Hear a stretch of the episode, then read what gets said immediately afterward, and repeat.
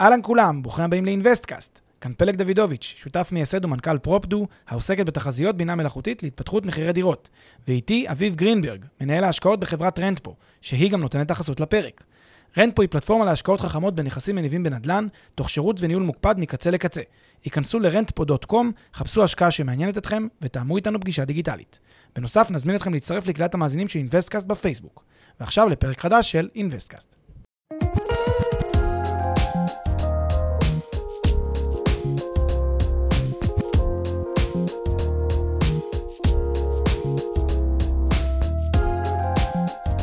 אהלן פלג, היי, אביב, מה העניינים? מעולה, יום חמישי שמח, מה המצב? חמישי שמח ומבדח. Yes. מה הולך? מעולה. יאללה, עוד פרק. כן.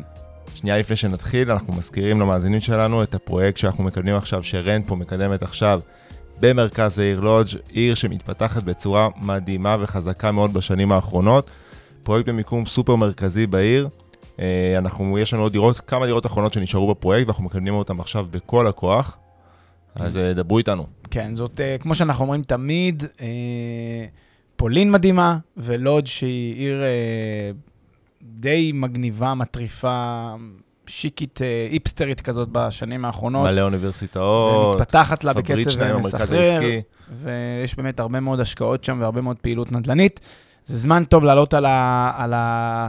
to join the ride, מה שנקרא בהקשר הזה, כי זה באמת הזדמנות שקורית אחת לתקופה ארוכה, ויש פה סיכוי אה, להצלחה יפה. אז אה, מזמינים אתכם, מה שנקרא. להצטרף. קדימה. יאללה, על מה מדברים היום?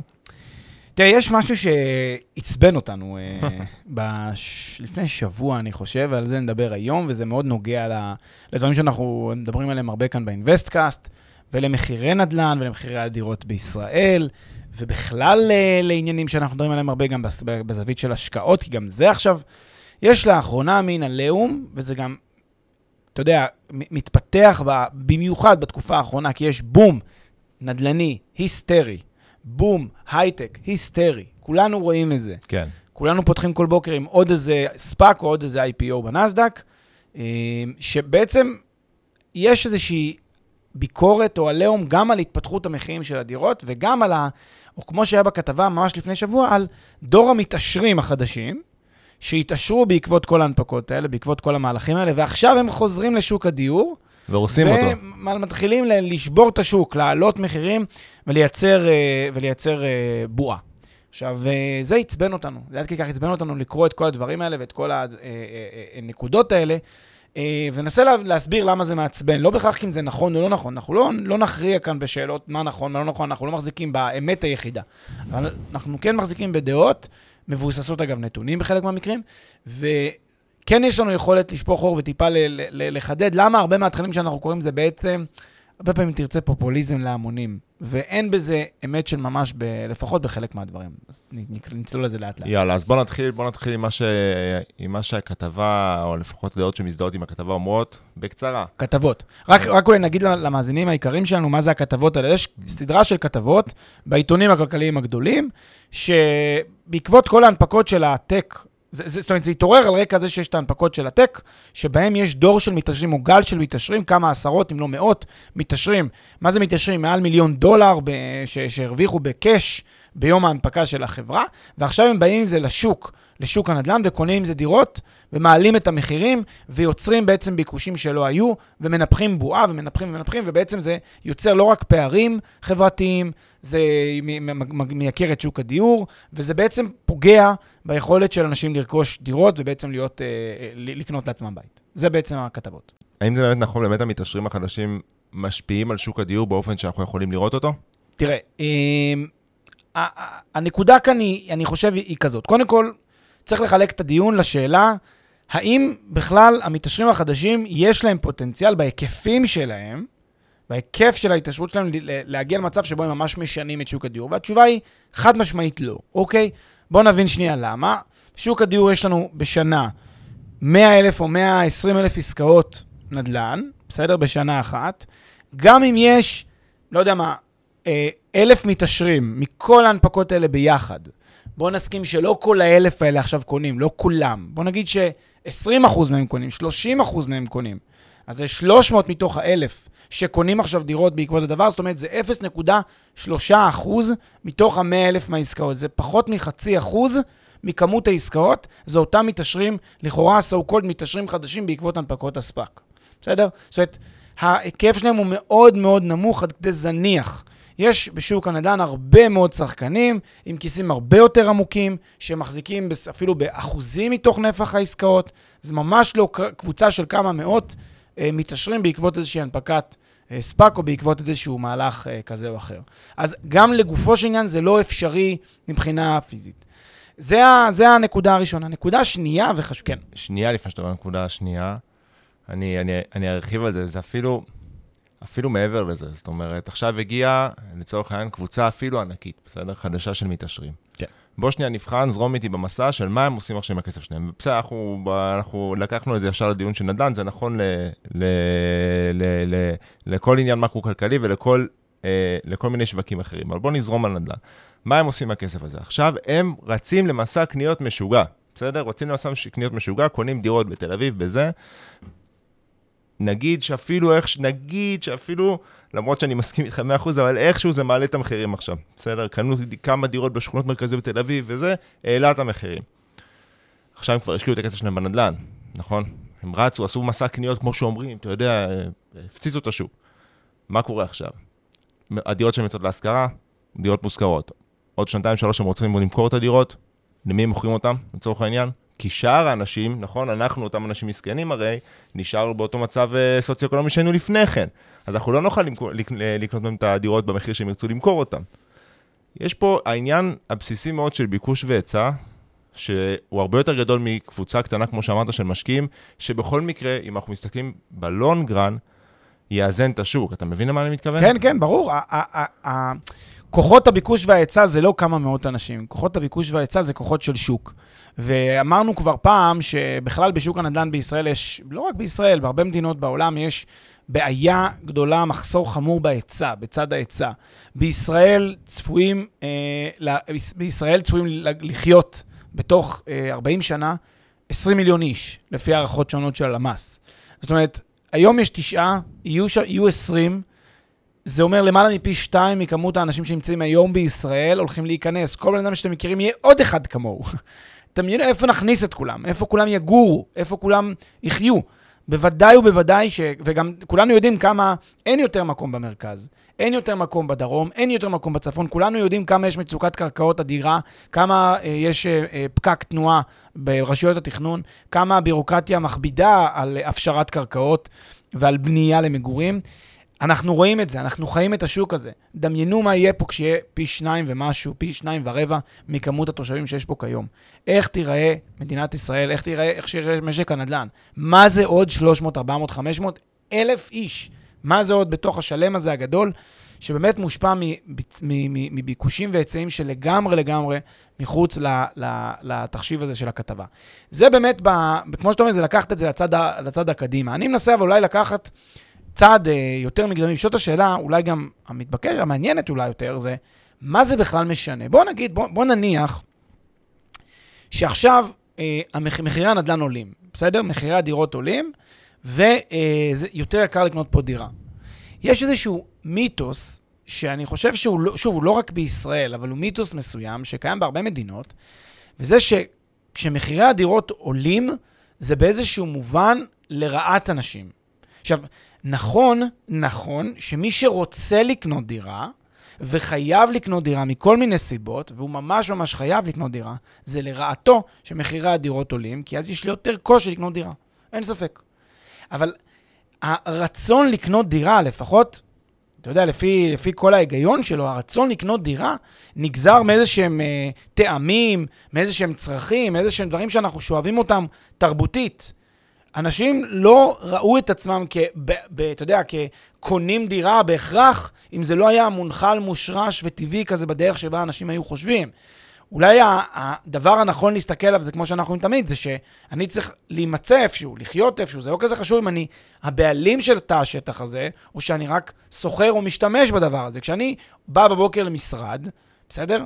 אני חי עם זה מאוד בשלום שהמשרד, הארבעה קירות שעוטפים אותי, הם כאילו שלי, אבל זה לא שלי. זה לא באמת מה- שלי. חצי מהיום שלך אתה נמצא שם. חצי מהיום. חצי מהחיים שלי אני מבלה ב- בתוך הארבעה רוב החיים. הערניים- הערניים שלך אתה מבלה שם. אני מבלה שם, ואני חי עם זה לגמרי בשלום, שזה לא שלי, שאני משתמש בזה, אני נהנה בזה, שם את התמונות אה, של המשפחה, של ה... אתה יודע, של האישה, של הילדים, אני שם את התמונות, רואה אותם כל בוקר, אבל זה לא שלי, המקום הזה לא שייך לי בטאבו. אבל האמת שאתה מעלה פה נקודה מעניינת, כי אתה אומר, תפיסה שאנחנו אומרים הרבה בהרבה פרקים, שאנחנו לא מאמינים כל כך במיתוס הזה, אנחנו דיברנו על זה. אם זה נכון כלכלית לגור בדירה אה, אה, בבעלותנו, אז זה יהיה מעולה, ואם לא, אז נגור בדירה בשכירות. מה הדבר הזה יכול לעשות לשוק השכירות? רגע, אז, אז, אז אני, רק, אני רוצה רק להגיד שחשוב לשים לב ל, ל, לנקודה הזאת. נגיד מחירי הנדל"ן עולים, מחירי הדירות עולים ועולים. נגיד מה שקודם עלה 2 מיליון, עולה היום 3 מיליון. Mm-hmm. נגיד. ואני עכשיו לא משתכר באותה רמה, אני יכול להרשות לעצמי רק לשכור דירה, בסדר? מזה שהמחירים עולים ועולים, זה לא אומר דבר וחצי דבר על שוק השכירות. אין כל כך קשר, אם כבר לפעמים יש קשר הפוך. כשמחירי הדירות עולים, הרבה פעמים התשואה דווקא יורדת. זה אגב נובע מזה שקצב עליית המחירים בגלל משקיעים לא קורלטיבי לעלייה ברמת החיים של יתר השוק, בעלייה ברמת השכר של יתר השוק, והמוכנות לשלם שכר דירה גבוה יותר כאחוז מההכנסה. הרי ממה, ממה נגזר הרי שכר הדירה שאני משלם? אני עושה קלקולציה, אני אומר כמה כסף אני מקבל מהמעסיק. אני רוצה להשאיר לעצמי רמת מחיה שאני חי איתה, ואת היתרה, את הפלאג נאמבר, את היתרה, אני שם בדירה שאני שוכר. עכשיו, אם, אה, אתה יודע, אה, רמת החיים שלי וה, והשכר העבודה שלי לא עולה באותו קצב, כמו, אה, אתה יודע, הוא לא עולה מספיק, אז אני גם לא אשלם שכר דירה גדול מדי. אני אשלם שכר דירה כפי שאני יכול. יש מגבלה לכוח, תשלום שכר דירה שלי. בדיוק, כשאנחנו, עכשיו- ב, כשאנחנו בדירה בשכירות, אנחנו עושים חישוב כלכלי טוב. כשאנחנו קונים דירה לעצמנו, שם אנחנו כאילו הולכים לאיבוד. כי כשקונים דירה לעצמנו, יש הרבה מאוד משקיעים שרואים את זה כאפיק השקעה לטווח ארוך, עם עליית ערך, מסתכלים על זה כטווח רחוק, ופחות מסתכלים, ובצדק אגב, על, על השכירות. אבל מה שהנקודה שאני מנסה להגיד פה, זה שזה לא כל כך, בואו נחשוב את זה רגע בצורה ריאלית, זה לא כזה סוף העולם לא להיות בעלים של דירה. זאת אומרת, זה לא באמת כזה משבר גדול. זה שמחירי הדירות עולים, אוקיי, מחירי הדירות עולים, בסדר, אז נגור בשכירות. אני לא חייב לגור בבעלות כדי כאילו אה, אה, אה, להרגיש שאני חי בעולם הזה, או, ש, או שאני חי בארבעה קירות, או שאני חי טוב, או שאין כל כך קשר בין הדברים. ולכן יש איזה מיתוס שאומר, זה שמחירי הדירות עולים, זה בעיה. זה בעיה חמורה. בואו ניתן בוא ניתן לכם דוגמה רגע להבין מה היה קורה אם כסף כזה שהיה נכנס לשווקים לא היה מתגלגל לשוק הדיור. מה היה קורה? נניח עכשיו היה לא, לא 200-300 אה, אה, משקיעים כאלה, בוא נגיד שהיה 200 אלף משקיעים כאלה, שכל אחד יש לו מיליון דולר עכשיו שהוא רוצה להשקיע בתל אביב. אם אותם אנשים היו משקיעים בדירות בתל אביב, מחירי הנדל"ן בתל אביב היו מתפוצצים. כן, תל אביב, רמת גן, גבעתיים, ראשון, כל אזור גוש דן היה מתפוצץ, מחירים עולים, עולים עשרות אחוזים בשנה. בסדר? נגיד. אם אותם 200-300 אלף משקיעים היו עכשיו רק קונים דירות. Mm-hmm. מה זה היה עושה? כולנו היינו צריכים, נמנע מאיתנו היכולת לקנות דירה אם אין לנו מיליון דולר, או אם אין לנו אפילו יותר, כי המחירים כבר היו עולים בצורה יותר מדי פראית. לא היינו יכולים לקנות את הדירות האלה, ולא היינו בעצם יכולים, אה, לכאורה, להיות בעלים של דירה, היינו יכולים רק לשכור דירה. זהו, לא היינו יכולים לקנות את הדירות האלה באזורים האלה. נכון, אבל כנראה שזה היה נשפך ליתר. השוק. אולי זה גם היה נשפך ככלים חוק שלובים, אבל הכלים השלובים, נכון. בוא, בוא נניח שלא היינו יכולים להתקדם, לא היינו יכולים לקנות דירה. בסדר? בוא נניח רגע את- הטענה הזאת. זה, זה המחיר שהיינו משלמים. בוא נניח שאותם 200-300 אלף לא היו קונים עכשיו דירות. הם היו מחליטים לא לקנות את הדירות. אלא הם היו מחליטים את ה-200-300 אלף, את ה-200-300 אלף איש האלה כפול מיליון דולר שיש להם, היו עושים משהו אחר עם הכסף. מה הם היו עושים עם הכסף? משקיעים בשוק ההון. משקיעים בשוק ההון למשל, או משהו אחר, צורכים וקונים דברים. מה לדעתכם יקרה כש-200-300 אלף איש בישראל, שמחזיקים כל אחד במיליון דולר נזיל, מה לדעתכם זה היה עושה למחירי החלב, הגבינה, המוצרים, השירותים, מסעדות, בילויים, פנאי, תרבות, מה זה היה עושה לדברים האלה היומיומיים, שכולנו חייבים אותם כדי להתקיים? זה לא כמו דירה שאני יכול לקנות או יכול לשכור. במוצרים, שמוצרי צריכה. שעכשיו יש פתאום בוסט מאוד מאוד גדול של ביקושים, שהמדפים מתרוקנים, כי פתאום יש מלא מלא מלא אנשים שעכשיו בצריכה, בצריכה ומסעדות וכולי, ובילויים ושירותים, מה זה עושה לאותם מוצרים? מייקר אותם. מייקר אותם עד לרמה שלא הייתי יכול בכלל ליהנות מהם. כאילו היה לי את היכולת לשלם על מסעדה, לא לסיים ארוחה במסעדה ב-200 שקל, אלא ב-400 שקל. כי הכסף הזה היה נשפך לאנשהו. כסף ש- שמגיע לאנשים נשפך לאנשהו, הם משתמשים בו, הם צורכים בו. הם אגב, זה, תכף נדבר על זה שגם טוב לשוק. שהם ברור. משתמשים, זה מניע את השוק. מעלה את כי הפריון. ב- למסעדה יש בעלים של מסעדה, ויש עובדים. אבל מה שאני רוצה להגיד זה שאם זה לא נשפך לנדל"ן, זה נשפך למקום אחר. זה, אז, זה לא כזה נורא מבחינתנו שזה נשפך דווקא לנדל"ן. זה דווקא טוב שזה נשפך לנדל"ן. זה טוב שזה נשפך לשוק ההון, זה טוב שזה נש- נשפך לשווקי השקעות, כי בשווקים האלה, אז מצד אחד אנחנו כשוכרים, זה לא כל כך משנה לנו מי הבעלים שלנו וכמה הוא שילם על דירה. זה לא כזה משנה. מה זה חשוב? להפך, אם הוא דווקא שילם מיליון דולר על הדירה הזאת, אולי יש לו אינטרס להשקיע, להשביח אותה, לתחזק אותה יותר טוב, לכן דווקא זה יתרון. אז זה לא כזה משנה לנו שהוא השקיע כל כך הרבה בדירה הזאת. אה, כל עוד שכר הדירה נשאר דומה, ואגב, אנחנו רואים בנתונים עכשיו האח- האחרונים, ששכר הדירה דווקא יורד בדיוק. בישראל, בתקופה האחרונה דווקא וגם יורד. לפני כן, וגם לפני כן, אף פעם לא- לא הייתה התאמה בין הקצב ש- ששווי עליית הדירות... המחירים לבין עליית לעליית מחירי השכירות. בדיוק בגלל אותו עניין, שכשאנחנו שוכרים דירה, אנחנו עושים חישוב כלכלי שהוא נכון, ואנחנו מתאימים את זה ליכולת ההכנסה שלנו. יכולת ההכנסה שלנו לא עלתה באותה, באותה מידה כמו ששווי הנדל"ן בישראל עלה, כן. קפץ. אז, אז מהסיבה, אז מהסיבות האלה, וזה בדיוק מה שאתה אומר גם, אנחנו כשוכרים פחות רגישים לזה שיש פה בעלים שהתחלף מעל, מעל הראש של הדירה הזאת, אוקיי, אז שהתחלף בעלים. למה נהיה הרבה יותר רגישים? אם ישתנה לנו עכשיו מחיר המוצרים, קורנפלקס, אה, עוגיות, אה, עוגות, אה, לחם, גבינה, חלב, בתי קפה, כל הדברים האלה שהם יעלו פתאום ב-10-15% אחוזים בשנה בגלל אינפלציה, זה כבר נהיה הרבה יותר רגישים. אבל גם הרבה יותר לזה, רגישים. גם לזה אני אדיש. זה, זה גישה, זאת אומרת, גם לזה אנחנו לא צריכים עכשיו להתבכיין על זה, כי יש לזה את הצד השני. זאת אומרת, נכון, בהתחלה, ברגע הראשון, המחירים יעלו. אבל כמו שאמרת, אוקיי. יש צד שני, יש את העובדים של כל השווקים האלה. זה יגדיל את היכולת שלנו גם. זאת אומרת. יכניס, זה יגדיל את ההכנסה שלנו. בכל מקרה, אני לא... אם אנחנו מסתכלים שנייה, גם מקרו וגם אה, ראייה ארוכת טווח, אז... אז בכלל אנחנו צריכים להיות אדישים לזה, ההפך, זה טוב, זה טוב לשוק, זאת אומרת, זה בכל מקרה טוב לשוק. עכשיו אתה נכנס לאותה ביקורת גדולה שיש על הפופוליזם שיש בתקשורת, בהבחנה הזאת בין ראייה לטווח קצר לבין ראייה לטווח ארוך. בדיוק. התקשורת מתמקדת, במכוון אגב, יכול להיות, כן, אני לא, אנחנו לא קונספירטור, כי זה קונספיר... זה לא כזו קונספירציה. קונספיר, כן, אה, זה- אתה יודע, קונספירטורים גדולים, ואנחנו באמת, אה, זה, זה, אין דרך להסביר, כי זה כתבים כלכליים, בהרבה מאוד מקרים, שפשוט כותבים את הכתבות האלה כשהם יודעים שבטווח הארוך יקרה תוצאה א', אבל בטווח הקצר תקרה תוצאה ב', והם מראים טווח קצר בעיה.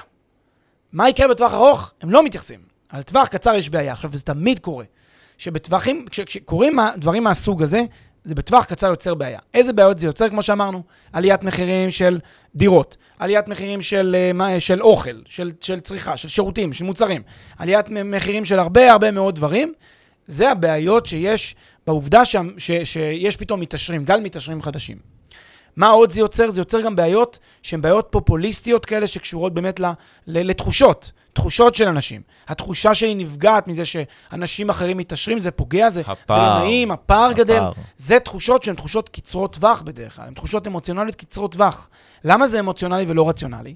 משום שכשמסתכלים על מדיניות, מסתכלים על דברים שהם דברים רחבים יותר, וכשמסתכלים בכלל על הכלכלה, צריך להסתכל על הטווח הארוך. עכשיו, בטווח הארוך, לפחות לפי, אתה יודע, גם המחקרים וגם הרבה מאוד עבודות שנעשות בדברים, ב, ב, בתפיסה כלכלית, כשמסתכלים על טווח ארוך, רואים שכשיש כסף חדש שזורם לשוק, כסף שנכנס מעין יש מאין, כי זה לא באמת יש מאין, אבל יש, כאילו יש מאין כסף, הכסף הזה מצמיח את החברה, מצמיח את הכלכלות.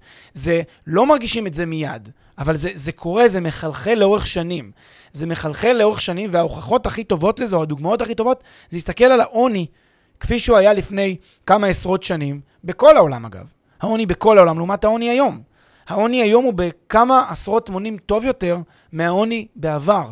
אה, השכבות, השכבות באוכלוסייה, גם השכבות החלשות יותר באוכלוסייה היום, מצבם טוב יותר מאשר השכבות המקבילות להם בעבר.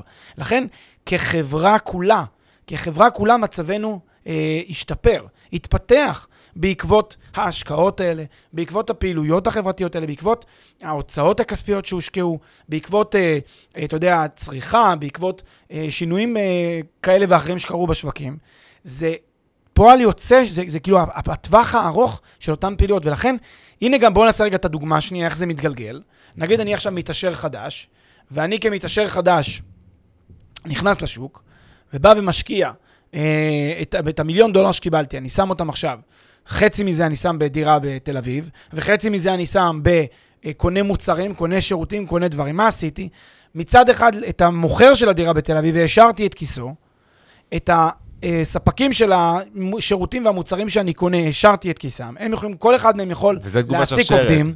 להשקיע כל, עוד. כל, כל העסקת עובדים זה גם מתורגמת לעלייה בשכר העבודה, במשרדים יותר טוב, בעלייה בשכר הדירה שהם משלמים למשרדים, בעלייה במוצרים ושירותים למגזר העסקי, וזה מפרנס משפחות. מפר...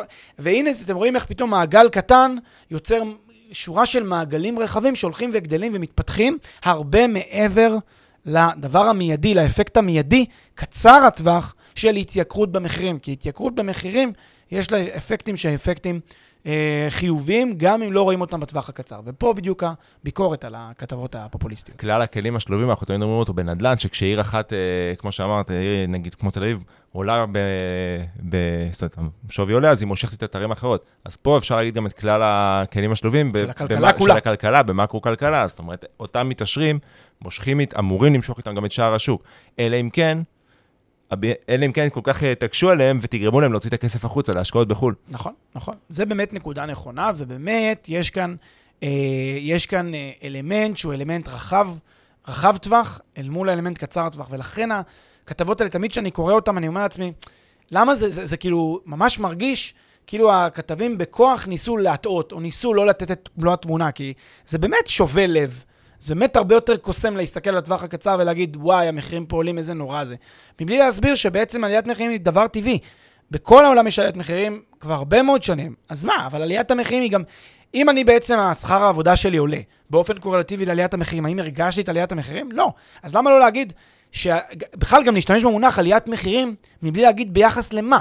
אולי עליית המחירים היא יותר נמוכה מעליית, מעליית השכר, אז עליית השכר הממוצע היא 4%, עליית המחירים היא 2%. אז בעצם הכלכלה, המשקי הבית דווקא הרוויחו, כי הם, הם הרוויחו את הדלתא של ה-2%. מה זה חשוב שהייתה עליית מחירים? הייתה להם גם עלייה בשכר, יותר גבוהה. לכן, תמיד הכתבות שמציגות את זה, הן מציגות את זה ככה, אני חושב לפעמים במכוון, לשים את הזרקור על משהו ולהגיד, הנה, יש פה בעיה מאוד קשה, בואו נתמרמר, בואו נכעס על הדבר הזה. לפני שנמשיך, כמה שניות מזמנכם. הפרק בחסות רנטפו, פלטפורמת השקעות חכמות בנדל"ן עם האנשים שמאחורי אינוויסטקאסט. רנטפו מאפשרת לכם להשקיע בשקיפות וביעילות בנכסים מניבים, תוך ליווי וניהול מוקפד ומקצועי מקצה לקצה. היכנסו ל-rentpo.com, חפשו השקעה שמעניינת אתכם, ותאמו איתנו פגישה דיגיטלית.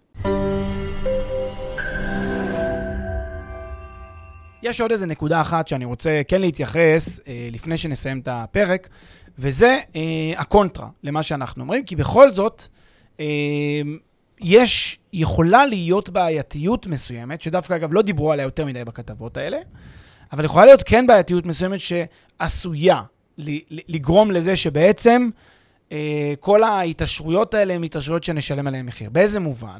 שוב, לא יודע, אני לא חושב שאנחנו יודעים להגיד האם יש בועה או אין בועה. בועה בדרך כלל נבחנת בדיעבד, קשה לדעת בדיוק מה זה הגדרות לבועה, אבל בוא נניח ש... נניח שיש פה בועה. מה זה אומר שיש פה בועה? זה אומר שיש פה עליית מחירים שלא עולה בקנה אחד עם המציאות הכלכלית של אה, שווי החברות ושל שווי הנדל"ן ושל שווי, זאת אומרת, אין לזה הצדקה כלכלית. זה לא טבעי, הזה. זה משהו לא מלאכותי. טבעי, זה משהו מלאכותי, זה משהו שהוא לא נגזר מ... מ, מ, מ אולי הוא נגזר מביקושים, אבל הביקושים לא נגזרים מהמספרים, אלא נגזרים מאמוציות. אם יש בועה, ולאנשים פתאום יש עודף כסף שהם, אתה יודע, השקיעו אותו וניפחו פה איזושהי בועה, הבועה הזאת יכולה להתפוצץ. כשבועה מתפוצצת, זה יכול ליצור collateral damages כאלה, שזה נזקים משניים להרבה מאוד צדדים, להרבה מאוד שחקנים. בועת ההייטק שהייתה פה נכון, בדוט בועות קום. הייטק ובועות נדל"ן, שבמסגרתן יכולות להיות פתאום ירידות מחירים או ירידות שווים של מניות, קריסה של חברות. אה, ה- ה- ה- ה- הקושי הגדול הזה לממן את הפעילות, להצליח להביא עוד שנה, להצליח, ואז פיטורי עובדים, וזה יכול ליצור מחזור, אה, ירידה, תחילת אה, מחזור אה, כלכלה שלילי, שיגרם, יגר, יגרום לזה שבעצם הכתבות האלה היה בהם שמץ של אמת, אבל לא לפי מה שהם התכוונו. הם התכוונו להגיד כמה זה רע שיש מתעשרים, כי פשוט זה לא טוב שיש מתעשרים על חשבון אנשים אחרים, אבל יכולה להיות בעיה במתעשרים האלה, לא בגלל זה שהם על חשבון אחרים, אלא בגלל זה שהם פשוט על בסיס שווים שהם לא שווים נכ- זהו, יש, נכונים. בי- יש ביקורת שדווקא בחלקה אני גם מסכים איתה. לגבי, לגבי המכפלים הלא הגיונים שחברות הייטק, שהשווי של חברות הייטק נגזר מהם. לפעמים הם מחפיאים על הפסדים, לפעמים חברות הייטק שהן רק הפסדיות ולא הצליחו לייצר פעם אחת רווח, ונכנסות לבורסות במיליארדים. זה דברים שיש על זה ביקורת, אנחנו לא יודעים האם היא מוצדקת, כי time will tell. אנחנו נצטרך שיעבור זמן ולראות מה קרה לגל הזה של ההנפקות ולגל הזה של החברות, כדי לדעת האם זו הייתה או לא הייתה בועה. יכול להיות מאוד להיות שזה תהיה אה, הצלחת, ה... זה יהיה קפיצת דרך משמעותית בהיסטוריה האנושית. יכול להיות שזה יהיה בועה. אנחנו לא יודעים. אבל אם זה יהיה בועה וזה ייבחן רק בדיעבד, אז, אז יש באמת בעייתיות כלכלית ב, אה, במהירות או בדרמטיות של המהלכים האלה. כי באמת יש פה, מאז הקורונה, מאז הגלים הראשונים של הקורונה, כשהתחילו המהלכים האלה האחדים, פתאום נהיה בוסט, טירוף של חברות, שאתה יודע, מיום ליום אתה רואה עוד ועוד ועוד, גם בדברים שהם אה, רק כאילו מתחרים בעצמם.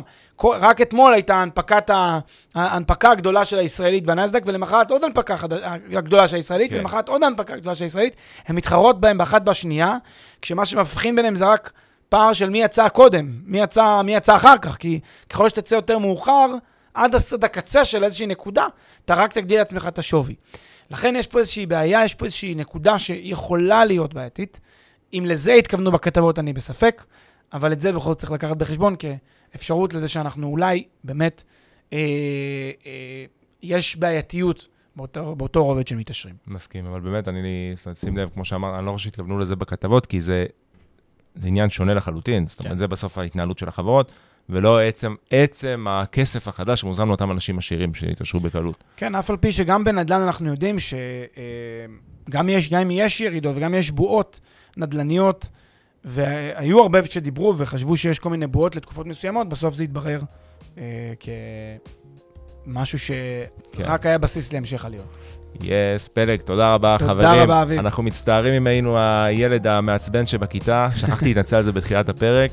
אה, אם אתם לא מסכימים איתנו, אם אתם חושבים שאנחנו ממש לא רואים את זה נכון, בבקשה רשמון בקבוצת הפייסבוק, אנחנו אוהבים לקרוא את התגובות שלכם, אה, וגם אם אתם כן מסכימים איתנו, כתבו לנו. יאללה, נתראה בשבוע הבא, פלג, אחלה סופש. ביי, אביב, תודה.